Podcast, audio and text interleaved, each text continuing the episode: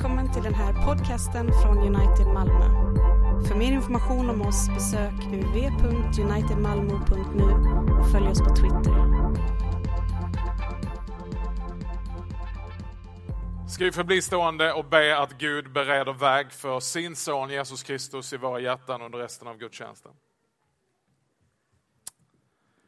Och Gud, du som genom Johannes döparen banade väg för din son Jesus Kristus. Upplys idag våra sinnen och gör våra hjärtan brinnande. Så att vi alltid ser dina vägar. Genom din son Jesus Kristus, vår Herre. Amen. Står vi kvar och så lyssnar vi till Herrens ord.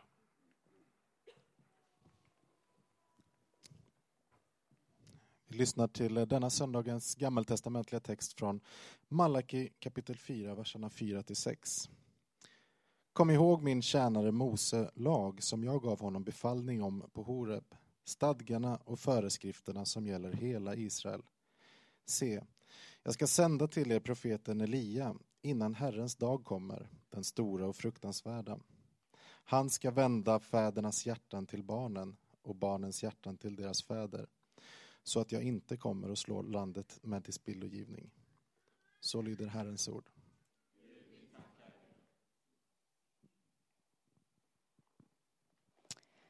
Så lyssnar vi till söndagens nytestamentliga text ifrån Andra Petrusbrevet 1 och 19. Så mycket fastare står nu det profetiska ordet för oss och ni gör rätt i att hålla er till det som ett ljus som lyser på en mörk plats tills dagen gryr och morgonstjärnan går upp i era hjärtan. Framför allt ska ni veta att ingen profetia i skriften har kommit till genom egen utläggning. Ty ingen profetia har burits fram genom någon människas vilja, utan ledda av den helige Ande har människor talat vad de fått från Gud. Så lyder Herrens ord.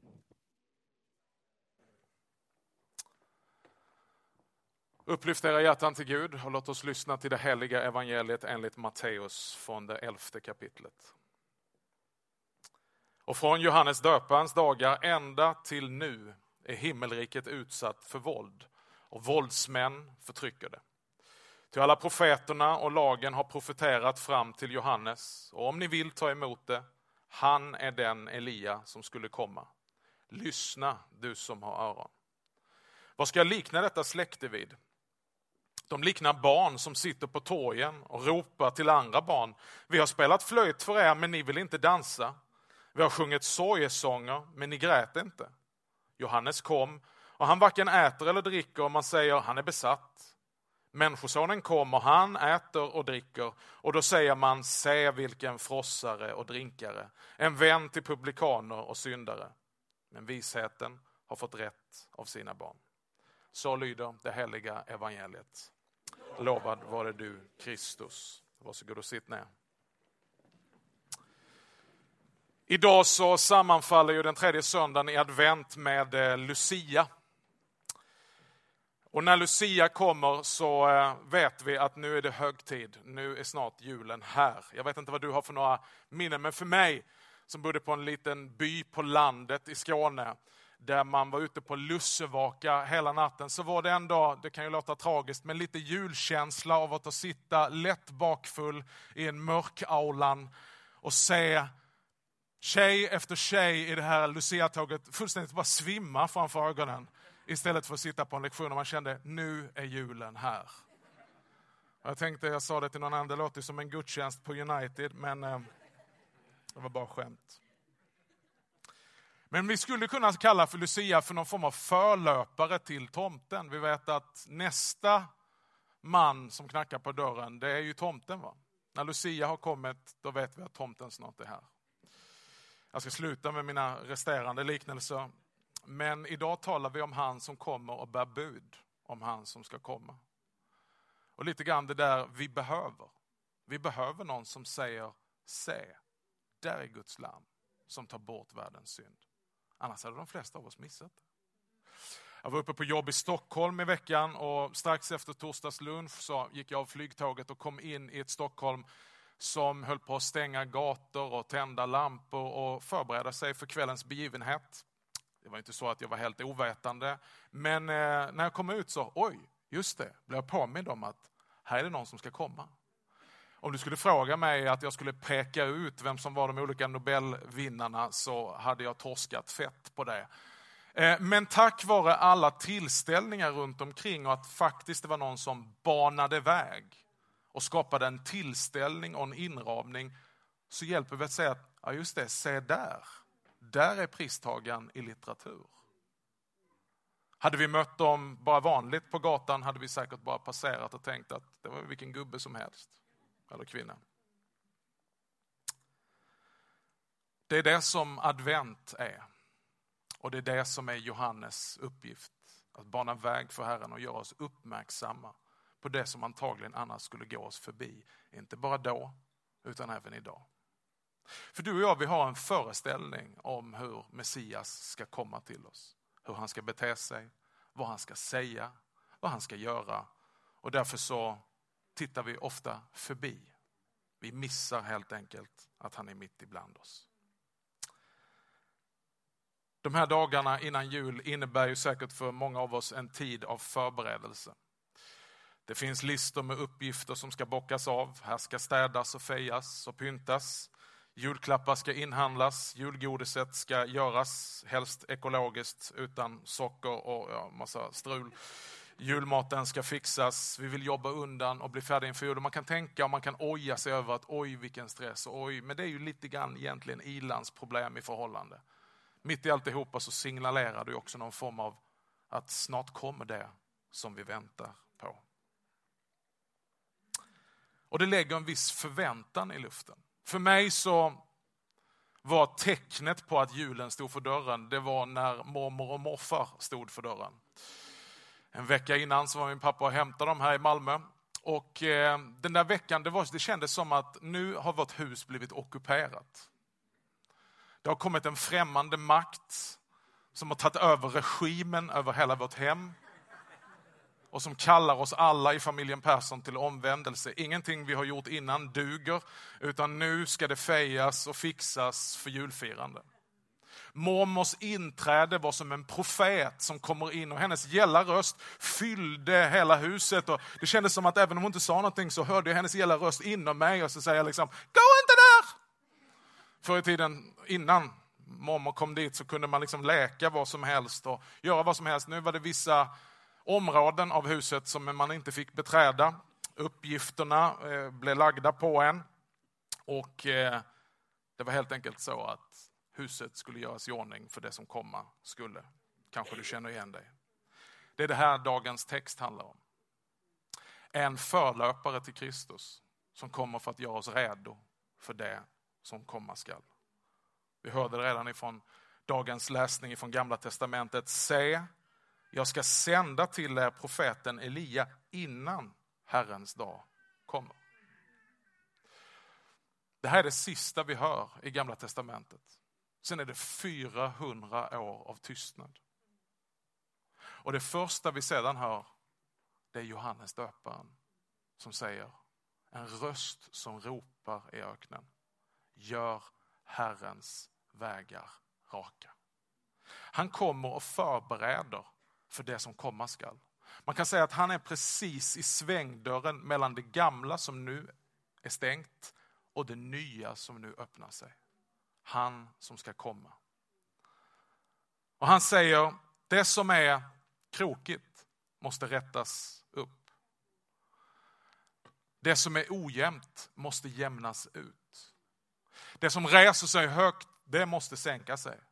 Och det som är djupt i dalen, det måste resa sig.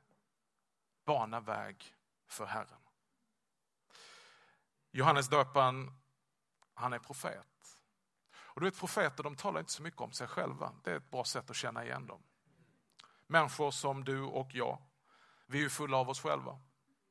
Vi vill gärna att samtalet ska komma in, i alla fall snart, så lägger vi liksom lite strategiska brickor i samtalets uppbyggnad så att det till slut ska hamna på oss. Det var som en vän till mig sa, nej, nu är jag så trött på att tala om mig själv. Vad tycker du om mig?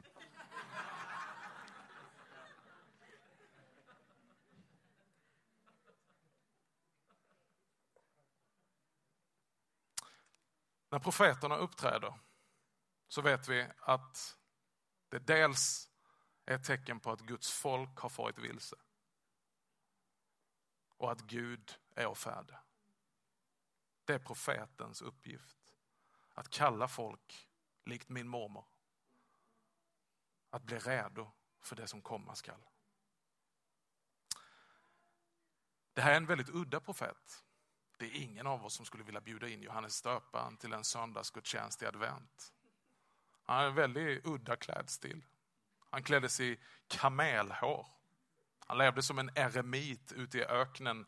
Han hade den fantastiska dieten. Det är förvånansvärt att ingen än har slått mynt av det i de här diethysteriska tiderna. Honung och gräshoppor. Hans predikningar var allt annat än politiskt korrekta. Han brukade inleda dem och säga ni huggumsyngel. Och kan man säga att det där lät ju som en primitiv svordom eller någonting, men det betyder ju någonting på den tiden för initierade människor. Ormen det är Satan och yngel är ju barn. Va? Så ni Satans barn. Ja, det var kul att jag gick upp i morse och kom på gudstjänst. Helt okänslig för det, liksom vad som är korrekt och acceptabelt att säga.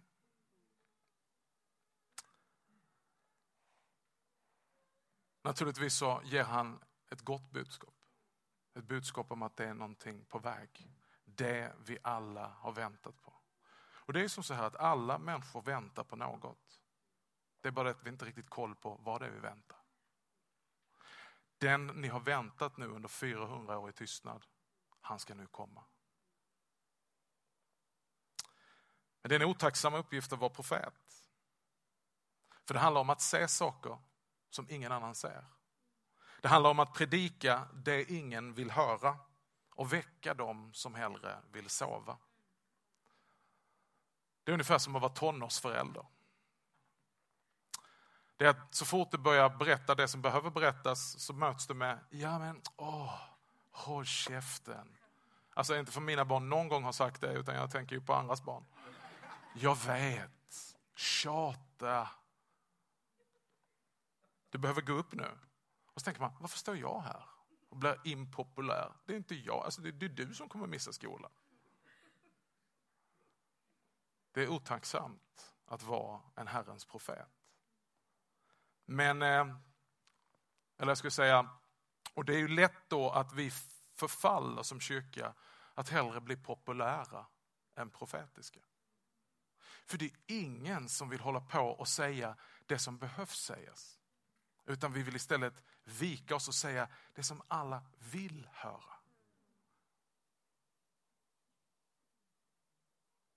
Vågar vi vara en profetisk kyrka? Vågar vi tala det profetiska? Att se det som kanske inte alla ännu har sett.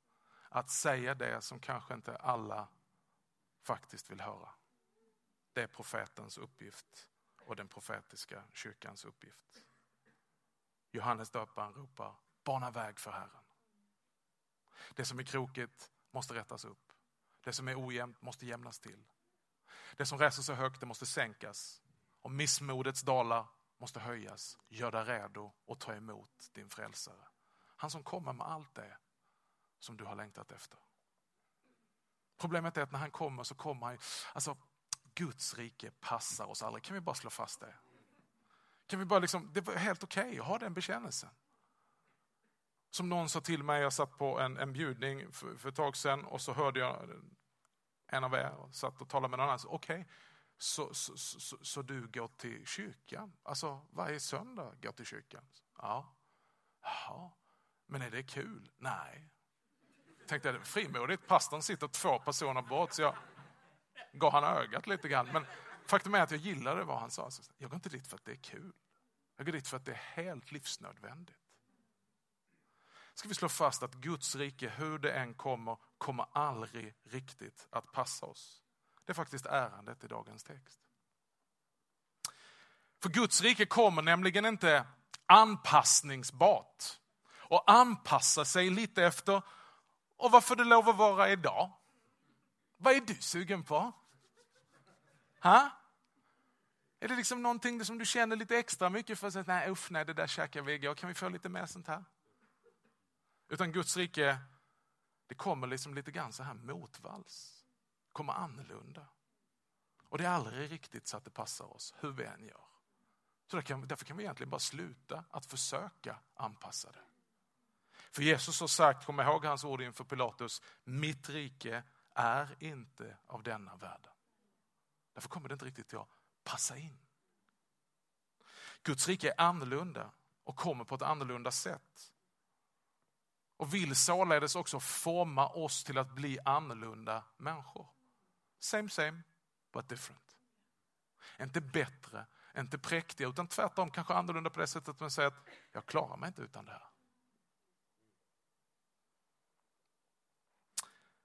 Jesus, och det här är Jesu egna ord, han säger så här om Johannes, om Johannes intag om Guds riket.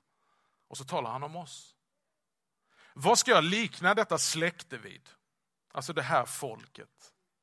De liknar barn som sitter på torgen och ropar till andra barn. Vi har spelat flöjt för er, men ni dansar inte. Vi har sjungit sorgesånger, men ni grät inte. Johannes kom, och han varken äter eller dricker om man säger han är besatt. Så kom Människosonen, han äter och dricker. Och då säger man, se vilken frossare och drinkare, en vän till publikaner och syndare. Alltså jag känner att det här har någonting att säga till oss idag. Vi är aldrig nöjda. Vi går till kyrkan och säger, nej det där var lite för torrt. Och så kommer vi säga, ah, nej det där var lite too much. Han talar lite högt och fy vad han talar tråkigt och han talar länge. Han talar lite för bra, jag undrar, jag är inte riktigt bekväm med att han talar så bra. Vad är han ute efter? Ah, Johannes döparen, han verkar ju vara som här esket. Han ser ut som en munk. Vad håller han på med? Liksom? Inget käk och fasta och bo i öknen och vara själv. Och, ja, det är bara too much. Sen kommer bara raka motsatsen. Jesus, han bara glider in. Han sitter med fel personer på fel ställen. Han skålar, han skränar och så säger det här, det är inget som är bra nog. Och det kommer aldrig till att vara det. Det är inte så att vi går och väntar på den här ultimata modellen där vi kan förpacka Guds rike så att du kommer bara känna, mm, bullseye, precis så vill jag ha det. För då är det inte Guds rike du har fått tag i. Utan då är det en marknadsföringsstrategi som bara vill sälja på någonting. Guds rike kommer inte att passa oss. Eftersom det är vi som måste omvända oss för att passa Guds rike. Därför så behöver frälsaren profeter, förelöpare, predikanter som pekar ut honom. Annars hade vi missat honom. För när folket säger Jesus, inte kan väl det här vara Messias? Därför behövs det en Johannes som säger, se, Guds lam som tar bort världens synd. Annars hade alla missat det. Ja, vadå? Är det Guds lamm? Vi har ju en bild att om vi bara får till paketeringen på rätt sätt så kommer alla komma hit. Och alla kommer till att fatta det. Nej, utgå ifrån, ingen av oss fattar det. Och det som kommer att göra att vi fattar det handlar inte om paketeringen. Utan det handlar om Guds nåd skänker oss det som en gåva. Om inte Gud handlar med dig först och skänker dig den nådegåva att ljuset kommer till dig så kommer du och jag fortfarande vandra i mörkret. Därför är det ingen av oss som kan skryta om frälsningen. Därför är det ingen av oss som kan slå oss på bröstet och säga, liksom berömma oss för våra religiösa insatser. Utan allt är bara nåd. Därför kan vi inte, som någon sa, skryta om vår kärlek för Gud. Men en sak kan vi skryta om och det är Guds kärlek för oss. Jag fann inte Gud, Gud fann mig.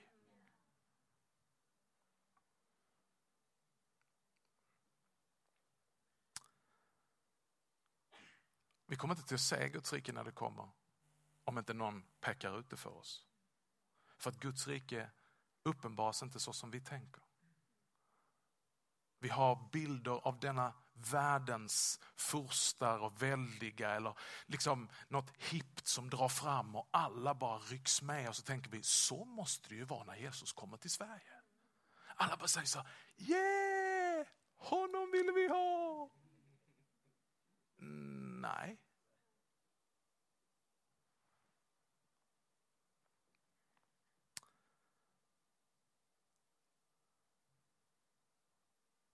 Guds rike är fördolt för oss.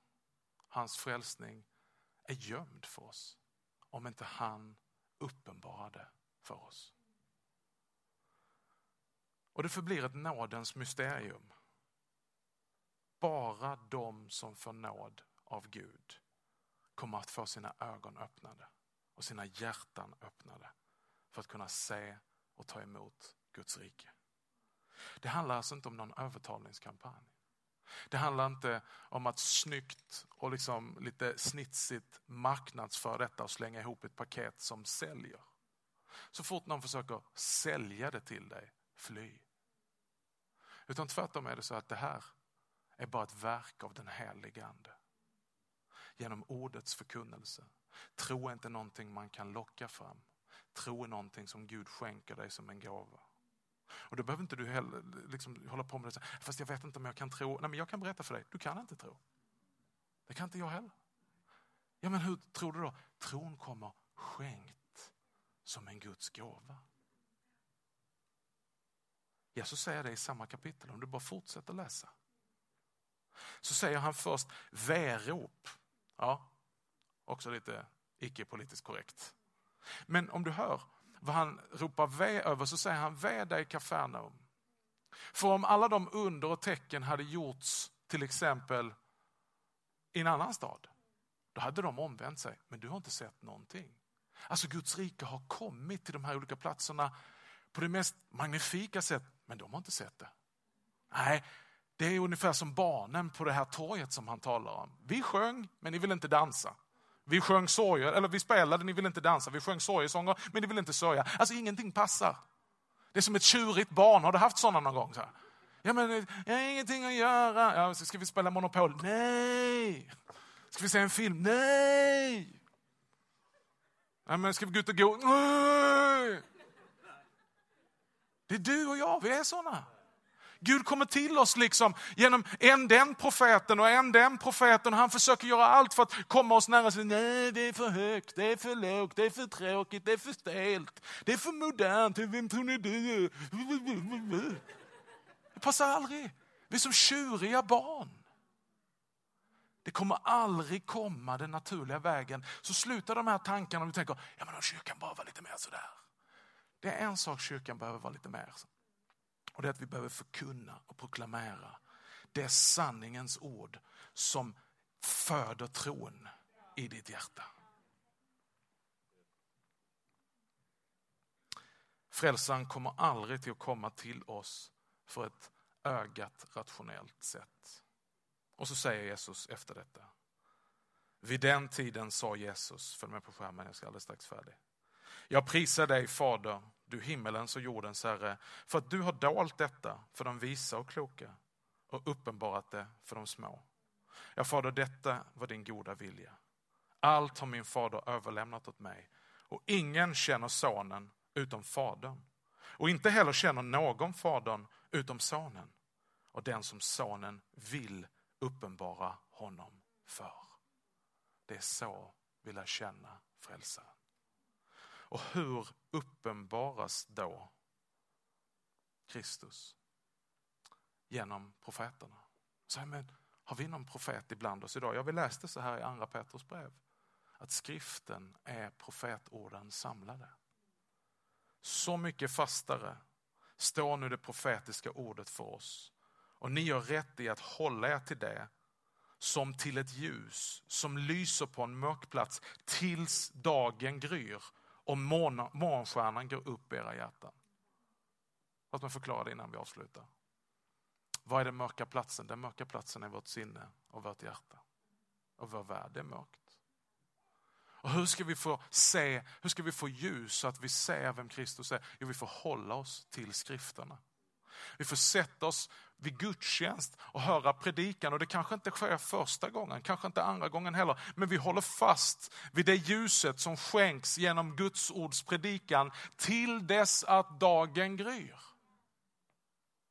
Det är det löftet som vi har, att Gud förmedlar sig själv genom predikan. Det här är inte en information om Gud, utan det här är Gud som kliver ut ur bladet till oss och kommer genom predikan.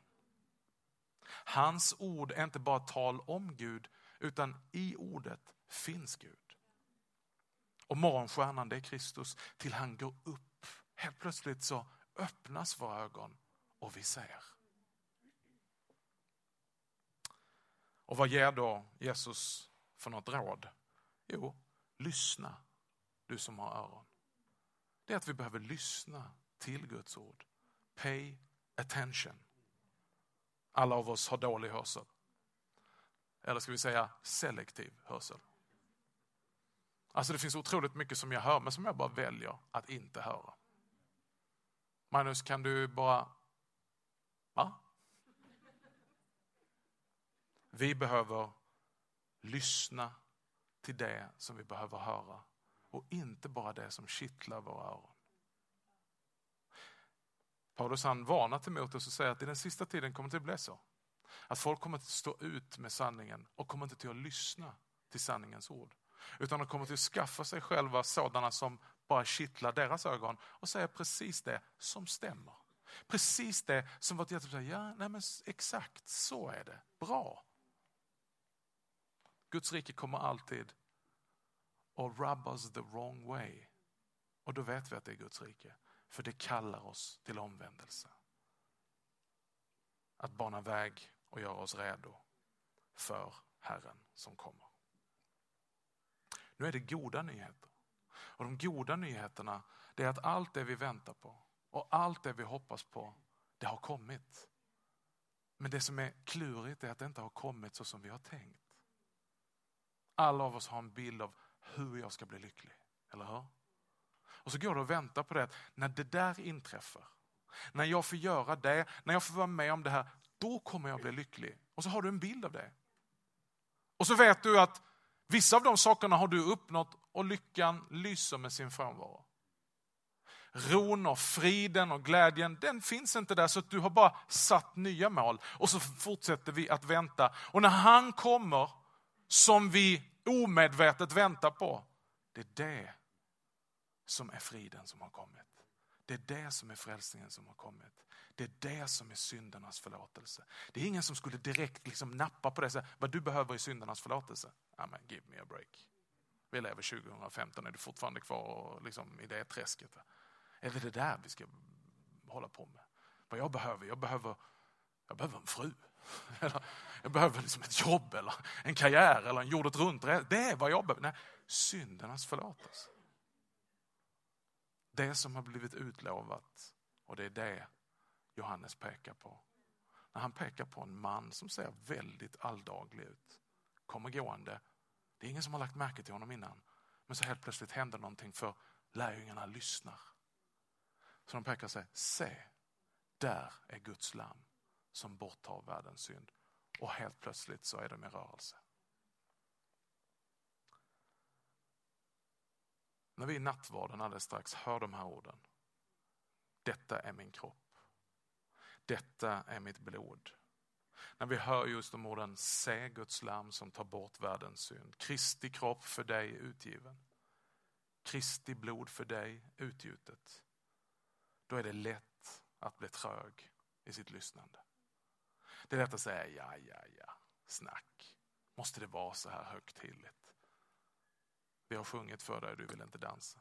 Vi har spelat sorgesång och du vill inte sörja. Men vi pekar och säger, här kommer Kristus till dig. Genom bröd och vin. Pay attention. Bana väg och gör dig redo. Lyssna till hans ord. Han kommer till dig. Och vi, liksom de första lägena, behöver den hjälpen ständigt. Någon som pekar, hjälper oss att skala bort allt brus och kunna urskilja sonen när han kommer till oss med sina goda gåvor, med förlåtelse för våra synder. Därför så behöver vi be Gud idag. Herre, jämna min ojämna rastlöshet som aldrig finner glädje eller frid. Sänk mitt högmods höjder som står dig emot. Herre, höj mig ur mitt missmods djupa dalar som har diskvalificerat mig själv från att ta emot dig. Herre, bana en väg för dig själv till mig, in i mitt hjärta, till mitt liv. Ära vare Fadern, Sonen och den helige Ande. Nu och alltid och i evigheters evighet. Amen.